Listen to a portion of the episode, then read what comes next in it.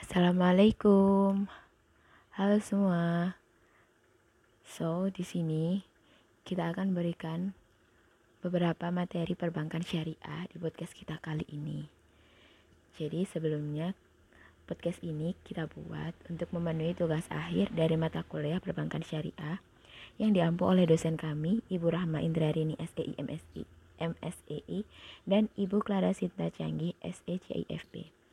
Semoga apa yang ada di podcast ini dapat bermanfaat bagi kita semua. Selamat mendengarkan. Bicara soal ekonomi, bicara soal keuangan. Sejatinya apa sih keuangan itu? Nah, kesempatan kita kali ini nih bisa banget kita bakal bahas uang. Tentu kita nggak asing dengan uang setiap kali kegiatan yang ada yang kita lakukan tentu apa ya ya kurang lebih pasti melibatkan uang. Bukan hanya soal transaksi utang piutang apa pun itu pasti melibat pasti melibatkan yang namanya uang. Dan kita mungkin ya kalau bisa dikatakan sih nggak bakal bisa hidup ya kalau tanpa uang karena merupakan karena uang di sini merupakan suatu apa ya suatu hal atau suatu ukuran untuk kita bisa melakukan atau mem mempertahankan uh, keseharian kita gitu. Untuk melakukan untuk mempertahankan dan melanjutkan kehidupan karena dengan uang kita bisa transaksi kita bisa belanja kita bisa beli segala kebutuhan yang ada di dalam kehidupan kita dulu masih belum ada tuh uh, standarisasi uang menjadi patokan menjadi uh, standar dalam suatu Nah, kita bakal mengulik nih, apa itu sebenarnya uang? Terlebih mengenai konsep uang nih. Menurut Al-Ghazali dan Ibnu Khaldun, uang merupakan apa yang digunakan manusia sebagai standar, ukuran nilai harga, media transaksi pertukaran, dan media simpanan. Nah, dari penjelasan Imam Al-Ghazali dan Ibnu Khaldun bisa kita tarik kesimpulan bahwasanya uang ini merupakan suatu standar bagi manusia. Bisa jadi simpanan bisa jadi nilai tukar bisa jadi uh, standar untuk transaksi atau semacamnya. Jadi kalau kita mau transaksi kalau kita mau punya simpanan ya kita harus punya uang gitu. Minimal walaupun bukan bukan apa seluruhnya uang ya bisa kita simpan simpan barang bisa. Tapi kebanyakan kita kalau mau nyimpen nih nyimpen uang gitu. Itu terus dalam perspektif ekonomi Islam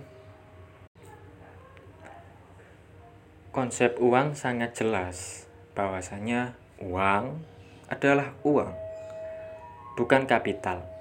Sedangkan dalam ekonomi konvensional konsep uang bukanlah uang, melainkan uang tidak hanya sebagai uang, namun juga sebagai kapital. Itulah yang menjadi perbedaan antara ekonomi konvensional dan juga ekonomi Islam. Jadi Islam nih memandang uang adalah uang, bukan suatu kapital, tapi berbanding balik dengan ekonomi konvensional di mana ekonomi konvensional memandang uang adalah uang dan juga kapital. Inilah yang membuat perbedaan antara sudut pandang ekonomi Islam dan juga sudut pandang dari ekonomi konvensional. Oleh karenanya, banyak sekali perspektif-perspektif atau pandangan-pandangan um, dari banyak sudut pandang yang berbeda tentunya mempunyai makna yang berbeda mengenai uang. Karena pada hakikatnya ya memang seperti itu. Ekonomi Islam dengan ekonomi konvensional pun berbeda.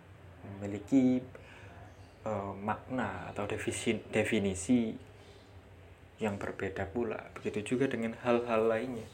Tentunya konsep uang ini memiliki definisinya masing-masing. Nah, di sini tentu dalam uang kita tidak asing dengan yang namanya riba. Riba ini tentu menjadi satu hal yang riskan dan memang sudah diperingatkan dari sejak zaman dahulu kala. Konsep riba sendiri pun dalam ekonomi Islam diartikan sebagai pengembalian tambahan, baik dalam transaksi jual beli maupun pinjam meminjam secara batil atau bertentangan dengan prinsip muamalah dalam Islam. Riba itu mungkin kita bisa artikan sebagai suatu kelebihan. Apakah itu berupa barang maupun uang. Dan unsur riba itu pun terdapat pada hutang yang diberikan dengan syarat si peminjam bersedia membayarnya lebih dari apa yang diterimanya. Nah, riba atau bunga itu yang pada intinya adalah kelebihan atau surplus di atas modal pinjaman yang diterima kreditur secara kondisional dalam hubungannya dengan waktu. Ya, tentu praktek bunga ini atau riba tidak hanya terjadi di zaman modern ini. Praktek riba itu udah lama terjadi di masa dahulu. Tapi Islam secara tegas melarang adanya praktek riba atau bunga. Hal ini secara jelas tertuang dalam ayat Al-Quran, salah satu ayat Al-Quran yang menjelaskan tentang haramnya riba yang terdapat pada Quran Surat Al-Baqarah ayat 275 276 yang berbunyi Bismillahirrahmanirrahim Alladina yakuluna riba La yakumuna illa kama yakumul ladhi yatakhabbatuhus syaitanu minal mas. Dhalika bi annahum qalu innama innamal bai'u mithdur riba wa ahallahu wa ahalallahu al-bay'a wa harrama riba faman ja'ahu mau'idatum mir rabbi fantaha falahu ma salaf. Wa amruhu ilallah ومن عاد فأولى فأولئك أصحاب النار hum fiha khalidun yam yamhaqullahu riba wa yurbis sadaqat wallahu la yuhibbu kulla kaffarin athim yang artinya orang-orang yang memakan riba tidak dapat berdiri melainkan seperti berdirinya orang yang kemasukan setan karena gila. Yang demikian itu karena mereka berkata bahwa jual beli sama dengan riba. Padahal Allah telah menghalalkan jual beli dan mengharamkan riba. Barang siapa mendapat peringatan Tuhannya, lalu dia berhenti, maka apa yang telah diperolehnya dahulu menjadi miliknya dan urusannya terserah kepada Allah. Barang siapa mengulangi, maka mereka itu penghuni neraka. Mereka kekal di dalamnya. Allah memusnahkan riba dan menyuburkan sedekah. Allah tidak menyukai setiap orang yang tetap dalam kekafiran dan bergelimang dosa. Itu arti dari ayat 275 276 Quran surat Al-Baqarah tentang bagaimana itu yang namanya riba. Tentu jelas nih di sini. Allah memberi peringatan bahwa riba bukanlah perlakuan Islam. Islam tidak mengajarkan riba. Islam dalam tanda kutip Islam harus uh, Islam secara tegas menolak yang namanya riba. Jadi kita sebagai umat muslim yang taat tentu kita harus benar-benar menghindari riba.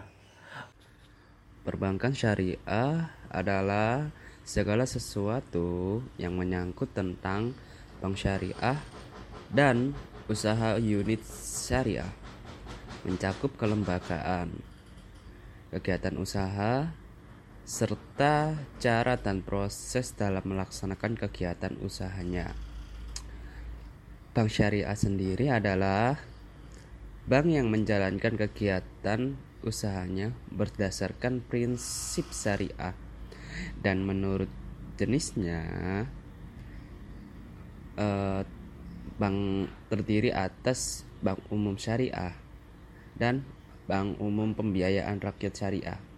Nah, syariah dan menurut jen, uh, nah jadi bank umum syariah dan bank umum pembi pembiayaan rakyat syariah itu termasuk bank syariah sendiri. Apa sih bank umum syariah? Bank umum syariah adalah bank syariah yang dalam kegiatannya memberikan jasa dalam lalu lintas pembayaran dan apa itu Bank Pembiayaan Rakyat Syariah? Bank Pembiayaan Rakyat Syariah adalah bank syariah yang dalam kegiatannya tidak memberikan jasa dalam lalu lintas pembayaran. Nah, jadi kedua hal tersebut sangat berbeda ya dalam bank umum syariah.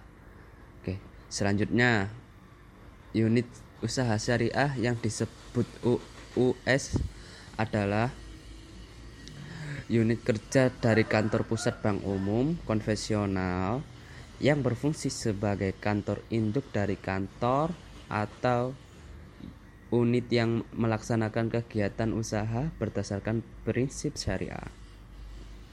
Atau unit kerja di kantor cabang dari suatu bank yang berkedudukan di luar negeri yang melaksanakan kegiatan usaha secara konvensional yang berfungsi sebagai kantor induk dari kantor cabang pembantu syariah dan atau unit syariah.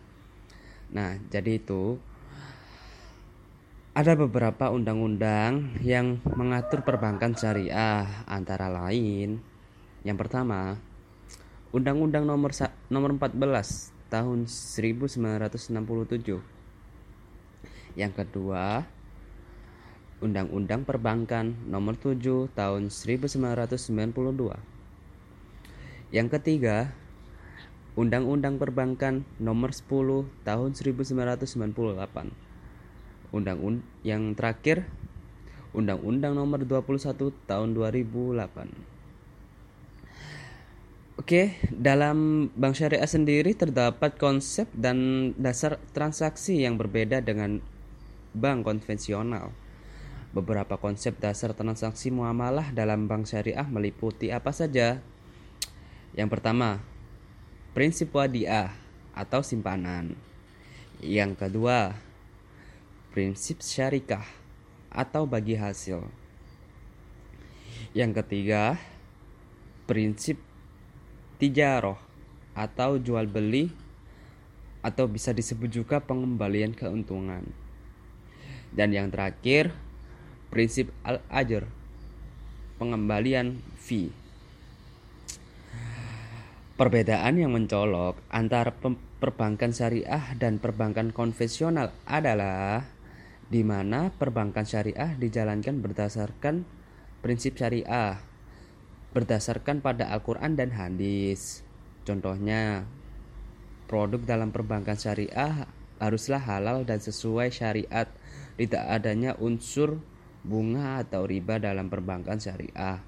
Terdapat akad juga di dalamnya.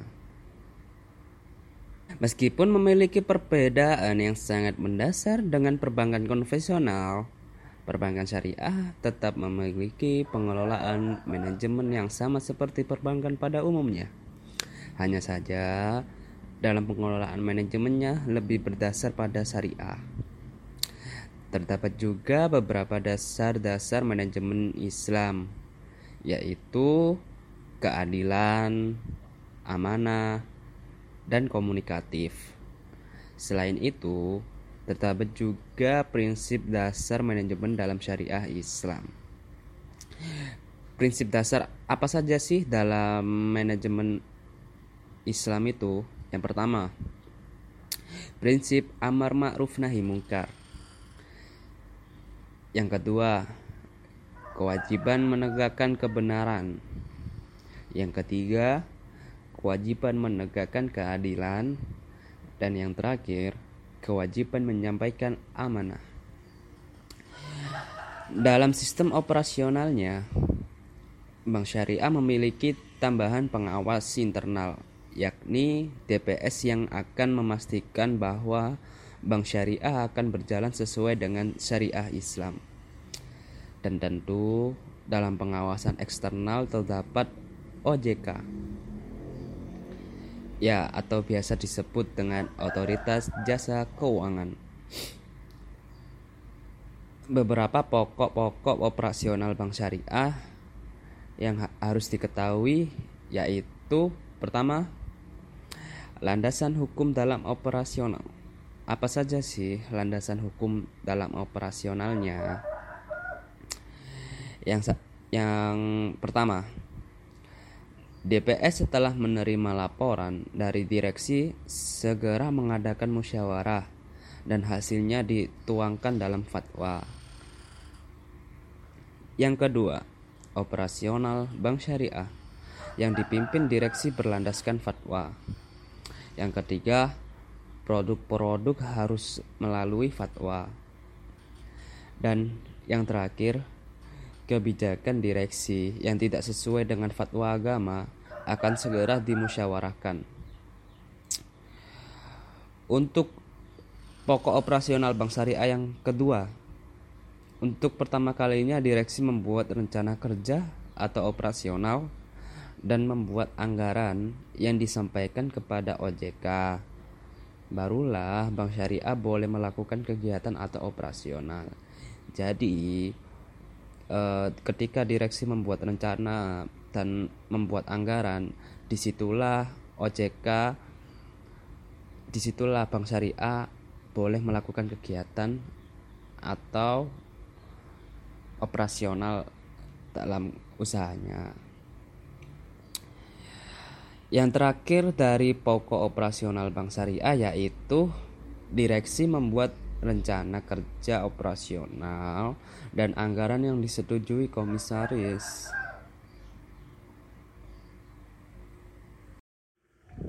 Selanjutnya, selain manajemen operasional seperti pada perbankan pada umumnya, terdapat juga manajemen dana dalam perbankan syariah.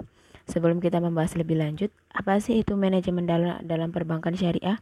Manajemen dana dalam bank syariah adalah upaya yang dilakukan oleh lembaga keuangan dalam mengelola atau mengatur posisi dana yang diterima dalam aktivitas funding dan disalurkan ke financing. Secara umum, tujuan manajemen dana sendiri adalah untuk memperoleh profit yang optimal, menyediakan aktiva cair dan kas yang memadai, menyimpan cadangan, dan memenuhi kebutuhan pembiayaan masyarakat. Untuk modal bank syariah sendiri dapat berupa simpanan pendiri, cadangan dan hibah, serta infak dan shodako. Ada juga modal yang berasal dari simpanan hutang dari pihak lain. Mengapa sih modal ini penting? Dalam perbankan syariah, modal memiliki beberapa fungsi. Yang pertama, modal memberikan perlindungan terhadap kegagalan atau kerugian bank dan perlindungan terhadap kepentingan deposan. Yang kedua, sebagai dasar batas maksimum pemberian kredit. Dan yang ketiga menjadi dasar perhitungan bagi para partisipan pasar untuk mengevaluasi tingkat kemampuan bank untuk mendapatkan keuntungan. Lalu bagaimana sih cara kita menghitung berapa modal yang dibutuhkan? Untuk menghitung modal yang dibutuhkan dasarkan pada ATMR atau aktiva tertimbang menurut resiko.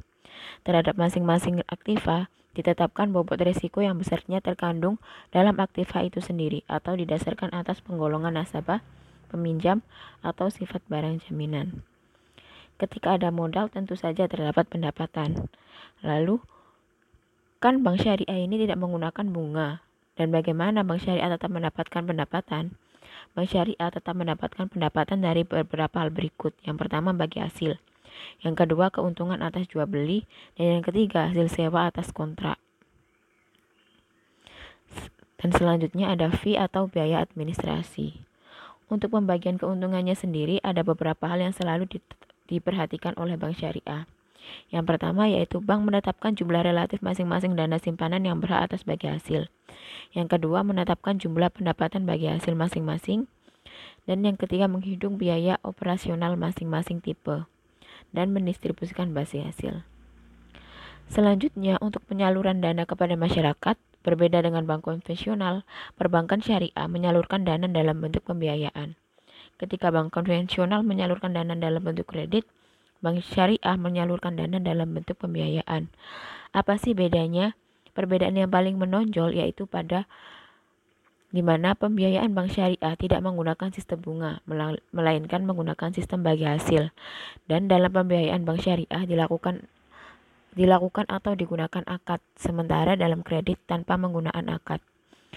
Selain itu, pembiayaan pada bank syariah juga hanya disalurkan pada pembiayaan atau pada kegiatan usaha yang sesuai dengan syariah, yang tidak melanggar syariah.